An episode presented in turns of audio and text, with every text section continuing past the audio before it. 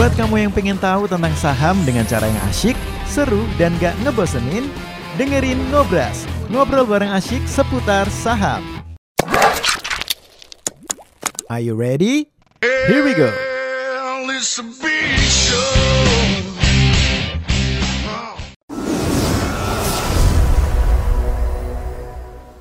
Emiten apa yang bakal kita bedah? Boleh langsung sobat investor ikutin yang ada di live streaming kita ya atau melalui radio Badan Saham. Dan langsung aja Brogil untuk bedah emiten kali ini kita bakal ngebahas soal apa nih? Oke, terima kasih Bang Hendrik. Jadi Bapak Ibu, hari ini tema dari beda emiten kita, kita akan mengambil uh, apa emiten PT Cikarang Listrindo TBK. Jadi dengan tema dengan judulnya pemasok listrik 5 kawasan industri. Oke, Oke, udah boleh mulai? langsung aja. Oke Bapak Ibu, jadi PT Cikarang uh, Listrindo atau dengan kode saham POWR ini dia adalah penyedia listrik, penyedia listrik untuk lima kawasan industri Bapak Ibu dan juga selain penyedia listrik untuk lima kawasan industri, dia juga adalah penyedia listrik untuk ke PLN. Jadi memang fokus untuk penjualannya cuma dua nih Bapak Ibu ke kawasan industri dengan ke PLN tadi. Dan di sini dia memiliki portofolio aset yang berkualitas. Maaf saya tipe ada lima ada portofolio aset berkualitas yaitu ada enam di sini. Jadi ada pembangkit listrik berbahan ber- berbahan bakar gas dan uap. Dan juga ada pembangkit listrik berbahan bakar gas. Ada juga pembangkit listrik berbahan bakar batu bara dan juga ada trans transmisi dan distribusi dan juga ada energi terbarukan nih Bapak Ibu. Nah, memang untuk dayanya mereka yang paling banyak adalah dari yang bahan bakar gas ini. Sedangkan dari batu bara itu tidak eh, tidak begitu banyak lah. Sedangkan itu mereka juga melakukan yang nama eh, ada juga yang namanya memiliki atau mengoperasikan kayak infrastruktur listrik nih. Jadi kalau misalnya Bapak Ibu perhatikan yang transmisi-transmisi listrik tuh, nah itu tuh yang di kalau di Cikarang itu mereka punya. Jalur-jalur itu mereka yang langsung distribusikan ke yang konsumen-konsumennya mereka nih. Dan selain itu mereka juga saat ini masuk ke yang namanya energi baru terbarukan nih Bapak Ibu. Jadi kalau misalnya Bapak Ibu sempat ikut waktu kita bedah emiten mengenai J-Sky yang solar panel, mereka juga ini melakukan tuh. Jadi mereka udah mulai masuk. Jadi mereka udah membangun yang namanya solar rooftop panel nih. Jadi dengan kapasitas memang masih kecil 252 kW kWp nih. Dan juga mereka menggunakan yang namanya teknologi boiler CVB. Teknologi ini memungkinkan supaya bisa lebih efisien lah dalam waktu waktu mereka ini nih apa namanya melakukan yang energi terbarukan ini jadi lebih efisien. Kemudian kalau yang kita lihat juga aset-asetnya mereka ini berada di lokasi yang strategis karena memang Cikarang Listrindo ini melayani lima kawasan industri terbesar dan paling berkembang di Indonesia. Apa saja itu? Di sana satu ada kawasan industri Jababeka dan juga ada MM 2100, ada juga East Jakarta Industrial Park, ada juga Hyundai Inti Development dan ada yang terakhir Lipo uh, Lipo Kara, uh, Lipo Cikarang. Cikarang nih. Dan di sini juga salah satu komitmen dari pemerintah adalah bisa mengintegrasikan nih seluruh kawasan industri di kawasan Jawa Barat yaitu Bekasi, Karawang dan Purwakarta atau disingkat Bekapur. Jadi menjadi uh, satu kawasan industri yang strategis lah. Dan juga kalau yang dilihat di sini untuk kawasan industri Bekapur ini dia memiliki lahan yang sangat besar nih 11.000 hektar. Bahkan ini kawasan industri yang terbesar di, di dunia. Sedangkan untuk kawasan ti- industri yang terbesar saat ini yang dimiliki oleh Arab Saudi sekitar 8.000 hektar. Dan juga baru pemanfaatannya masih sekitar 55% nih Bapak Ibu. Jadi masih ada sekitar 45% lokasi yang kawasan industri yang di bagian Bekapur sana yang belum dimanfaatkan. Dan juga direncanakan area ini akan menampung 60% dari total industri di Indonesia. Jadi kalau misalnya Bapak Ibu perhatikan yang perusahaan-perusahaan yang masuk-masuk ke Indonesia, nah itu akan dialihkan ke di, di apa ditunjukkan masuk ke kawasan-kawasan industri yang jelas akan menguntungkan mereka jika seandainya masuk di kawasan industri mereka tuh yang lima tadi yang sebelah kiri ini nih. Nah, ini saya coba perlihatkan mengenai map dari Bekapur nih Bapak Ibu. ini ini ini adalah tempat dia eh, atau wilayah yang dapat aliran listrik dari dia berarti ya. Yang khusus yang ini Pak, Yang ini nih. dibuletin? Ya, yang dibulatin ini, ini khususnya mereka nih yang lima kawasan industri, sedangkan ini kan yang kawasan yang industri yang Bekapur tadi. Bekasi, Purwakarta dengan yang ah, Bekas, Bekasi. Karawang, Purwakarta. Karawang, nah, dengan Karawang. Dan kalau kita perhatikan sebenarnya sangat terintegrasi nih ke Patimban nanti. Jadi da, bisa langsung diintegrasikan. Jadi memang mimpi dari Pak Jokowi ini bisa diintegrasikan itu dari Patimban dengan yang di Bekapur ini. Dan kalau kita lihat kalau misalnya Bapak Ibu perhatikan yang lokasinya mereka yang untuk Cikarang ini yang paling dekat dengan di Jakarta. Jadi kalau misalnya kayak nantilah ada kita bahas mengenai data center yang sebenarnya sangat esensial, yang paling dekat ke Jakarta, aksesnya paling bagus sebenarnya lokasi yang di tempat mereka menyuplai listrik ini. Nah, yang Cikarang dan Hyundai Development dan sebagainya nih. Bert, sorry Bert. Berarti yang dia uh, kasih aliran aliran listrik itu hanya yang dibultin aja. Yang dibuatin itu. Berarti yang bekapur yang kayak di Karawang, Enggak. Lu enggak. Enggak. Nah, terus apa dampaknya ke dia kalau misalnya banyak pengembangan di sana? Kalau misalnya banyak pengembangan di sana, kalau misalnya perusahaan-perusahaan masuknya yang ke bagian yang Jababeka, itu pasti akan mereka harus supply, Pak. Suplai apanya? Supply listriknya. Oh, maksudnya kalau misalnya di Kerawang nih ada yang Ah. bikin bisa taruh ada yang bikin pabrik gitu misalnya. Mm-mm. Itu bukan mereka yang li- ng- ngalirin listrik tapi kan? Bukan mereka. Tapi apa hubungannya daerah yang dibunturin itu sama yang di daerah Karawang? Karena ini daerahnya mereka ini daerah yang kayak inilah Pak apa? paling Terintegrasi. terintegrasi untuk semua ke transportasi bisa dekat langsung ke tol langsung ada juga ke Patimban bisa dan juga paling dekat dengan Jakarta jadi memang paling oke lah kalau lokasinya mereka ini Oh, nah Gitu. pertanyaannya adalah apakah yang dibuatin ini Mm-mm. semua daerahnya itu sudah terisi penuh semua dengan pabrik-pabrik apa masih banyak yang kosong? masih banyak yang kosong Pak Oh, kalau oke. kita lihat sebenarnya masih banyak yang kosong sebenarnya di bagian daerah-daerahnya mereka yang dibuatin itu? iya masih Oh, banyak oke, yang kosong oke, oke. Ah. Dan untuk saat ini untuk lahan industri itu baru terisi sekitar 6.465 hektar area industri nih dari 11.636. Jadi masih sekitar 55% lah yang Bapak Ibu yang masih terisi. Dan kalau untuk dari si Power ini dia adalah salah satu perusahaan yang pembangkit listrik pertama terlama dan juga yang paling yang IPO lah yang eh, yang paling pertama untuk IPO. Dan kalau kita lihat di sini yang kapasitas terpasangnya mereka juga bertumbuh nih dari tahun ke tahun dan juga untuk kapasitas energinya, kapasitas dayanya ini meningkat. Nah, seiring peningkatan kapasitas daya ini juga seiring dengan tingginya kalau misalnya konsumsi listrik di industri itu. Jadi kalau misalnya konsumsi listriknya se- semakin tinggi, semakin tinggi juga nih untuk dayanya. Dan juga salah satu keunggulannya mereka, mereka memiliki yang namanya izin Bapak Ibu, izin secara eksklusif untuk memasok listrik ke lima kawasan industri di Cikarang. Jadi seperti apa itu? Jadi misalnya kalau mereka udah masuk nih, udah pegang satu daerah, yang pembangkit penyedia listrik lain itu nggak boleh masuk. Jadi mereka langsung lock, mereka langsung kunci nih karena ini haknya secara eksklusif. Dan itu uh, memasok listrik selama 30 tahun nih sejak 2006 dan mungkin berpotensi nanti akan di diperpanjang lagi. Hmm, Nah, itu nih kelebihan kalau misalnya penyedia listrik swasta. Peraturannya seperti itu. Oke, oke, oke. Oke. Kemudian kalau kita lihat memang utangnya mereka ini dari tahun ke tahun ini menurun Bapak Ibu. Utang menurun meskipun memang ekuitasnya cenderung tidak bertumbuh. Kalau Ibu Bapak Ibu perhatikan yang ekuitas yang warna abu-abu itu cenderung memang nggak bertumbuh Bu. Eh, Bapak Ibu. Apa penyebabnya? Karena memang dividen yang mereka bagikan itu terlalu besar. Jadi karena dividennya terlalu besar kan Bapak Ibu, berarti laba yang ditanya mereka kecil, laba ditanya mereka kecil, ekuitasnya mereka nggak ah, cenderung nggak bertumbuh. Nah kalau untuk si si power ini kalau misalnya kita lihat tuh untuk DPR-nya saja itu selalu berada di atas area eh, di atas 60% untuk DPR-nya saja dan memang DPS-nya itu naik-naik terus. Makanya tidak heran kalau misalnya untuk si power ini cenderungnya cenderungnya dividen yield-nya itu di atas bunga deposito yang 6%, bahkan yang 6% lagi. Gitu. Oh, jadi perusahaan ini adalah tipikal perusahaan yang memang dia nggak ekspansi agresif berarti ya? Iya, dia terlalu nggak terlalu Oh, agresif. Pak. berarti buat bapak ibu yang senang sama dividen lancar gitu bayarannya ya. Nah, terus uh, potensi bayar dividen terus ke depannya salah satunya adalah POWR ini sebenarnya ya. Kalau dilihat dari beberapa tahun terakhir bapak ibu ya. Oke oke oke oke. Kemudian kalau kita lihat juga pertumbuhannya mereka memang ini lambat nih Bapak Ibu, tapi marginnya mereka terjaga, margin bersihnya mereka ini terjaga. Kenapa? Karena efisiensi tadi. Efisiensinya menggunakan apa? Yang yang tadi sempat kita bahas ada teknologi yang CFB lah kalau saya nggak salah sebut CFB. Jadi itu bisa kayak menjaga supaya bisa efisiensi lah dalam pasokannya. Hmm. Nah, untuk CGR mereka ini juga cuma 2% nih Bapak Ibu, cenderung lambat memang untuk eh, untuk untuk pertumbuhannya, untuk penjualannya. Dan juga ini adalah mengenai eh, pembagian dari penjualannya mereka. Kalau kita lihat hampir lebih dari 50% bahkan lebih dari 50% mereka akan menjual listriknya ke kawasan industri. Sedangkan untuk ke PLN adalah sisanya tuh.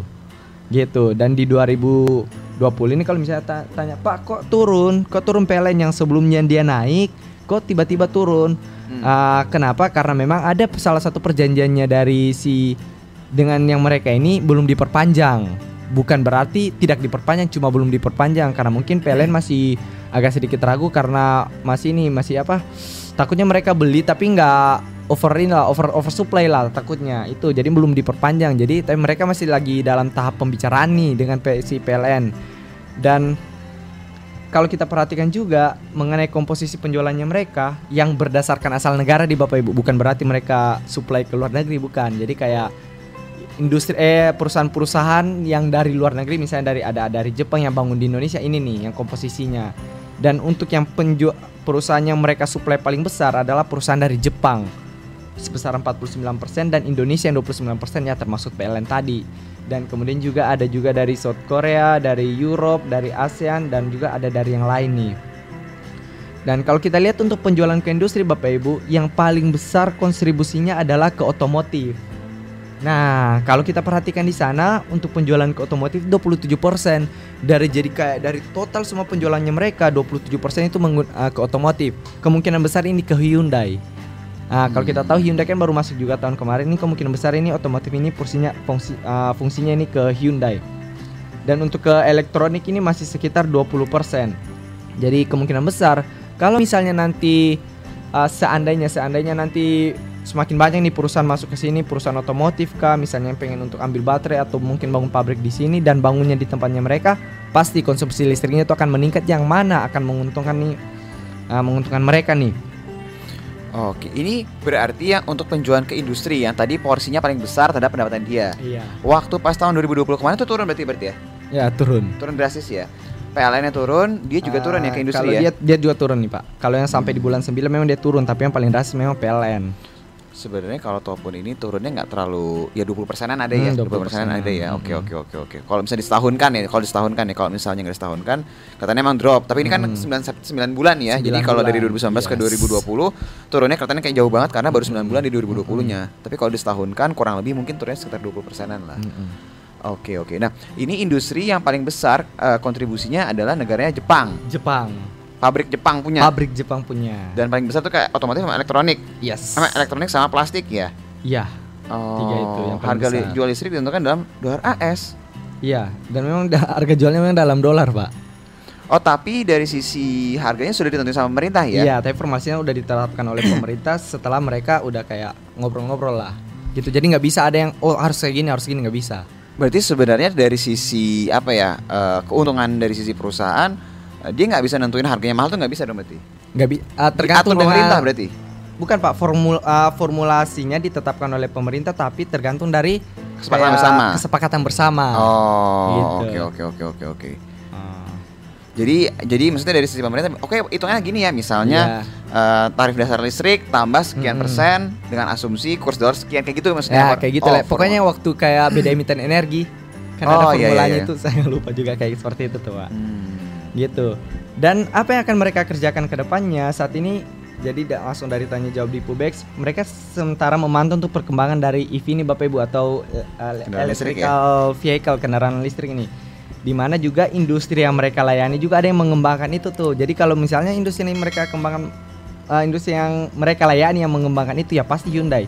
Mereka kemungkinan besar akan mensuplai lagi nih untuk bagian pengisian kayak kendaraan charging stationnya lah Nah, mereka lagi coba lihat nih potensi pembangunan dari charging stationnya itu seperti apa dan juga mereka sekarang lagi melakukan kayak pilot project untuk kayak menjajaki kerjasama lah dengan dengan cara untuk memaksimalkan pengisian bahan bakar ini. Tapi sebenarnya mereka lagi menunggu detail peraturan yang jelas seperti apa itu charging stationnya, peraturannya seperti apa mereka lagi tunggu tuh. Gitu.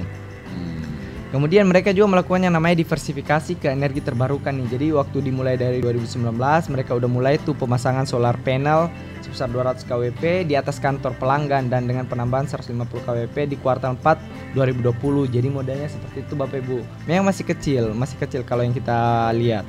Dan selain itu mereka juga uh, ada yang namanya co-firing dengan penggunaan bahan bakar biomasa di boiler CBV. Kalau saya nggak salah, ah, iya. Kalau saya nggak salah biomasa itu kayak dari tumbuhan, dari hewan. Kalau saya nggak salah tuh. Untuk yang biomasanya. Dan saat ini mereka, uh, sebentar, mereka lagi fokus pada pada investasi tuh, investasi dalam teknologi boiler CFB yang dipasok oleh Valmet perusahaan Finda- Finlandia. Jadi memungkinkan pem- pembakaran batu bara dengan kalori yang beragam dan biomasa. Teknologi memungkinkan pembakaran batu bara dengan kalori yang rendah yang mengandung tingkat polutan yang rendah dan menghasilkan emisi yang baik. Jadi kembali lagi ke energi baru terbarukan nih Bapak Ibu. Sebentar, Bud. Berarti kalau misalnya kita bahas dari sisi yang energi terbarukannya dia dulu yang pasang solar panel ini. Berarti dia salah satu yang punya eh, apa ya teknologi untuk masang solar panel. Iya. Berarti kan nggak ada hubungan sama aliran listriknya dia kan? Nggak ada, nggak ada. Karena Cuma kan dia pemasangan aja. pemasangan aja. pemasangan eh, apakah barang dari dia atau gimana? Barangnya juga dari dia Pak. Hmm. Nah, dia lagi kembangkan semua ini nih.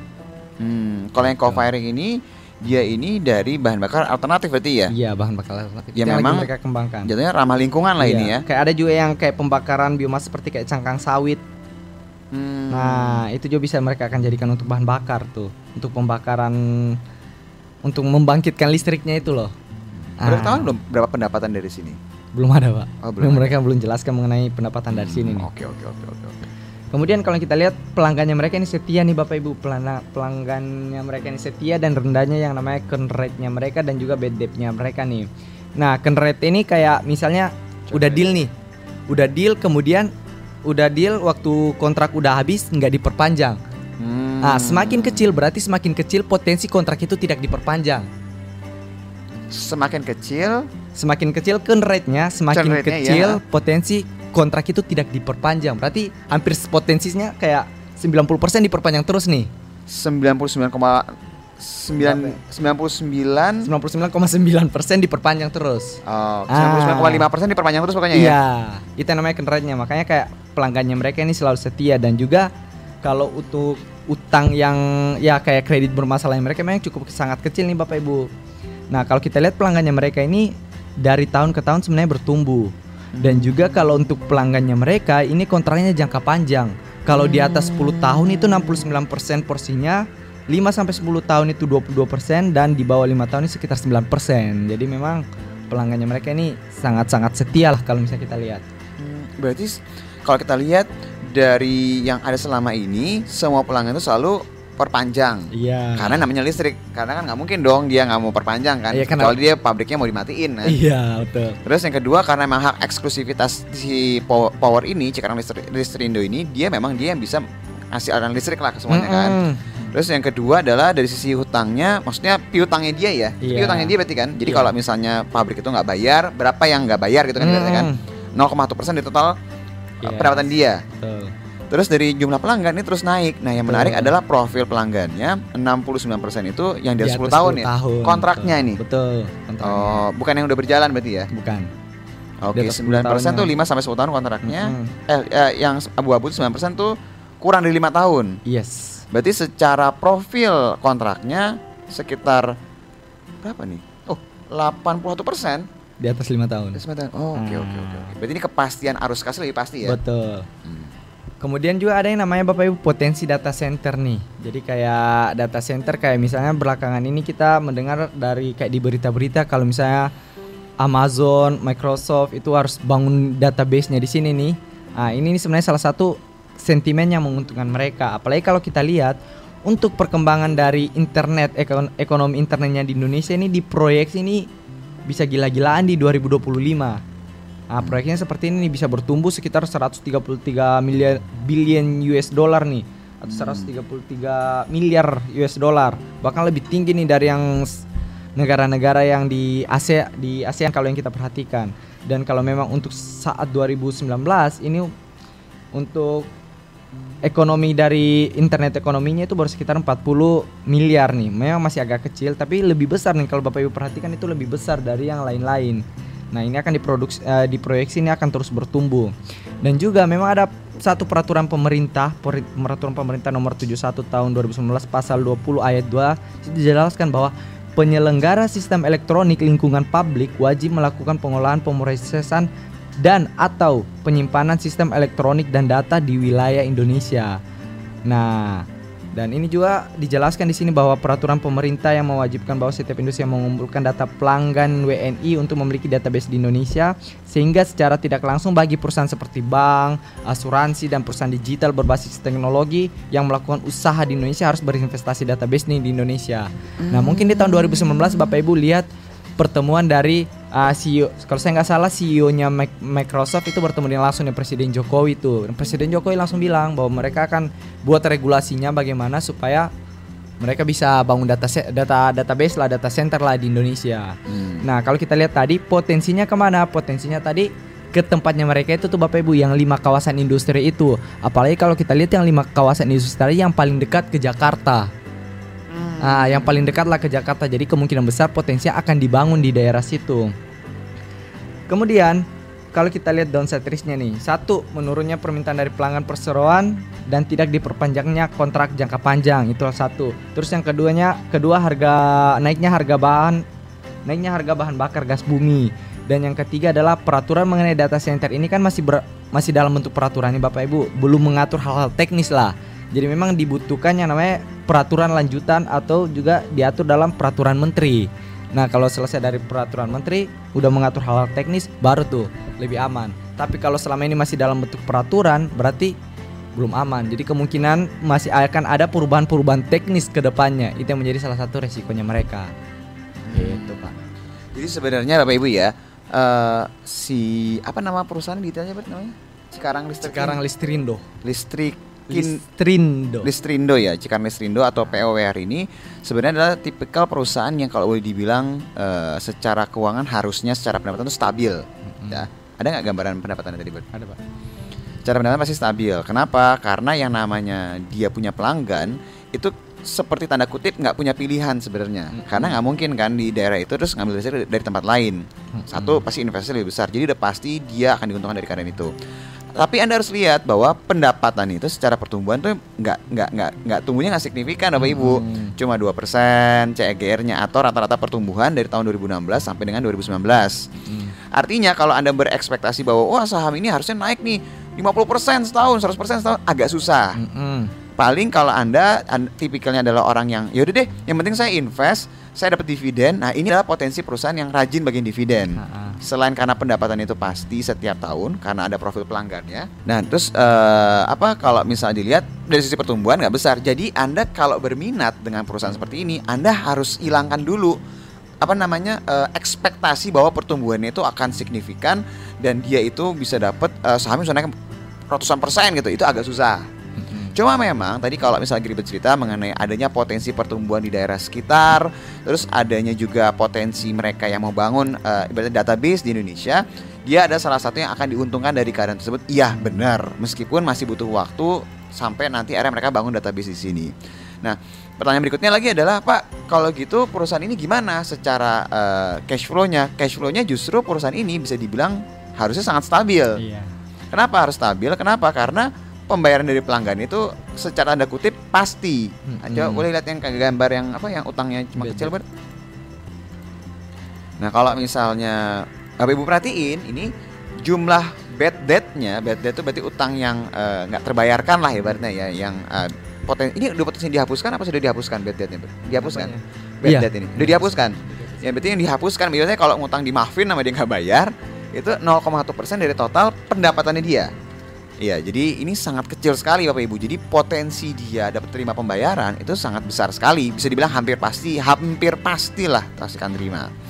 Kalau lihat dari jumlah pelanggannya terus naik. Jadi ini adalah tipikal perusahaan yang mungkin Anda mungkin ya beli kalau ter- berminat ini ini Anda harus baik-baik pertimbangkan. Anda beli, ya Anda diemin, ya dia akan naik terus seiring dengan pertambahan jumlah pelanggan. Karena kalau mau dari pendapatan harusnya akan terus naik. Ah, yang yang risiko yang mungkin tadi lo nggak sebutkan adalah adanya perubahan dari sisi formulasi pemerintah sebenarnya Hmm. penetapan eh, harga, listrik. iya. Karena seperti kita ketahui, pemerintah itu lagi ngajak investor sebanyak-banyaknya ke Indonesia. Mm-mm. Nah, salah satu yang mungkin dinegosiasi sama uh, perusahaan-perusahaan yang mau bangun pabrik adalah eh gimana nih, jangan mahal-mahal dong bayar listriknya, apalagi mereka yang memang mau pabriknya tuh 24 jam. Kan listrik salah satu komponen yang paling besar tuh Iya. dari sisi HPP-nya kan atau harga pokok penjualnya kan. Jadi resikonya mungkin terbesar dari sana sih Bapak Ibu. Dan kalau segala sesuatu itu yang sudah diatur, diatur lagi, diatur sama pemerintah, otomatis itu kalau udah baku, berarti uh, potensi pertumbuhannya pun juga sudah terukur gitu loh. Jadi ini mungkin di satu sisi dia bagus secara cash flow, tapi di satu sisi secara pertumbuhan terbatas. Formulasi dari pemerintah ini yang salah satunya mungkin kalau sampai pemerintah berubah formulasinya, dia akan salah satu dirugikan dari keadaan itu. Di satu sisi mobil listrik itu akan menguntungkan dia untuk daerah sekitar dia tapi ya, Mm-mm. ya kalau dilihat dari daerah sekitar dia, kenapa? Karena kalau misalnya eh, apa? eh, dia punya kerjasama dengan pabrik-pabrik eh, Jepang karena tadi kita lihat kan pabrik Jepang paling besar di di kliennya dia dan itu adalah elektronik sama otomotif. gitu Otomotif. kan. Jadi mungkin nggak akan- bisa aja bapak ibu, tapi pasti ini akan melibatkan beberapa pihak, salah satu pemerintah. Jadi nggak mungkin dia sama si siapa eh, kendaraan otomotifnya aja gitu. Jadi ini ada potensi ke sana, cuma nggak akan semudah itulah dia ngebangunnya gitu loh. Jadi pasti butuh eh, apa ibaratnya eh, beberapa pihak lah supaya bisa berjalan. Memang kalau dilihat potensi pertumbuhannya ada, ya ada. Eh, tapi anda harus ingat karakter saham perusahaan ini adalah tipikal yang kalau anda mau ya ambil dividennya. Iya. Karena kalau pertumbuhan sahamnya nggak terlalu menarik. Coba kalau kita lihat chartnya ya, chartnya dalam beberapa tahun terakhir ya. Saya agak penasaran juga sih. Ya kalau dilihat juga justru malah sebenarnya dari tahun 2017 ya sampai sekarang malah turun harga sahamnya dari 1.400 sampai sekarang tuh sekitar berapa nih 500an apa 600an 700. 700-an. Nah, justru makin murah harga sa dari, sisi nominal ya maksud saya, dari sisi harganya, harganya bukan secara valuasi makin turun, berarti yieldnya makin besar. Makanya yang diharapkan dari perusahaan seperti ini itu adalah pembayaran dividennya sih Bapak Ibu. Apalagi dia DPR-nya besar ya, Iya. DPR-nya besar. Itu sih kalau dari saya tambahannya. Gitu Hendrik. Siap. Gitu, Pak Hendrik. Mantap untuk powernya ya. Power. Ini power bilangnya power ya. Salah sebut lagi. Power kali ya. Power, Power. bukan tower ya, power. P O W WR. R ya Bapak Ibu ya. Bukan T O W R. Cikarang Listrindo. Nah, buat sobat investor yang mungkin wah menarik nih ya terceritanya mungkin atau ya aku nggak suka Pak di bidang-bidang listrik. Nah, mungkin rezekinya belum di listrik, kita cari rezeki lain ya. Siapa tahu di air gitu ya sobat investor atau di udara. Nah, ini ini kita tidak ada unsur untuk mengajak membeli atau menjual. Ya, betul. Di sini aja kita coba mengulas ya mengulas dari segi bisnis seperti apa dan uh, udah di udah diungkapkan sama Brogel dan dicek cross check sama Mas Fat Alianza Budiman. Dan kira-kira sobat investor pengen request dong, Pak, boleh dong request bedah saham ini dong. Ini lagi hits banget nih diobrolin di masyarakat. Boleh langsung request ke kita sobat investor ya, boleh request ke radio atau boleh request ke Brogil atau ke Mas Fatnya juga langsung. Mhm. Thank you buat Brogil untuk informasinya dan Mas Fat, thank you. Sama-sama. Sama-sama Hendrik. Kamu baru aja dengerin Ngobras, ngobrol bareng asyik seputar saham. See you to the next episode.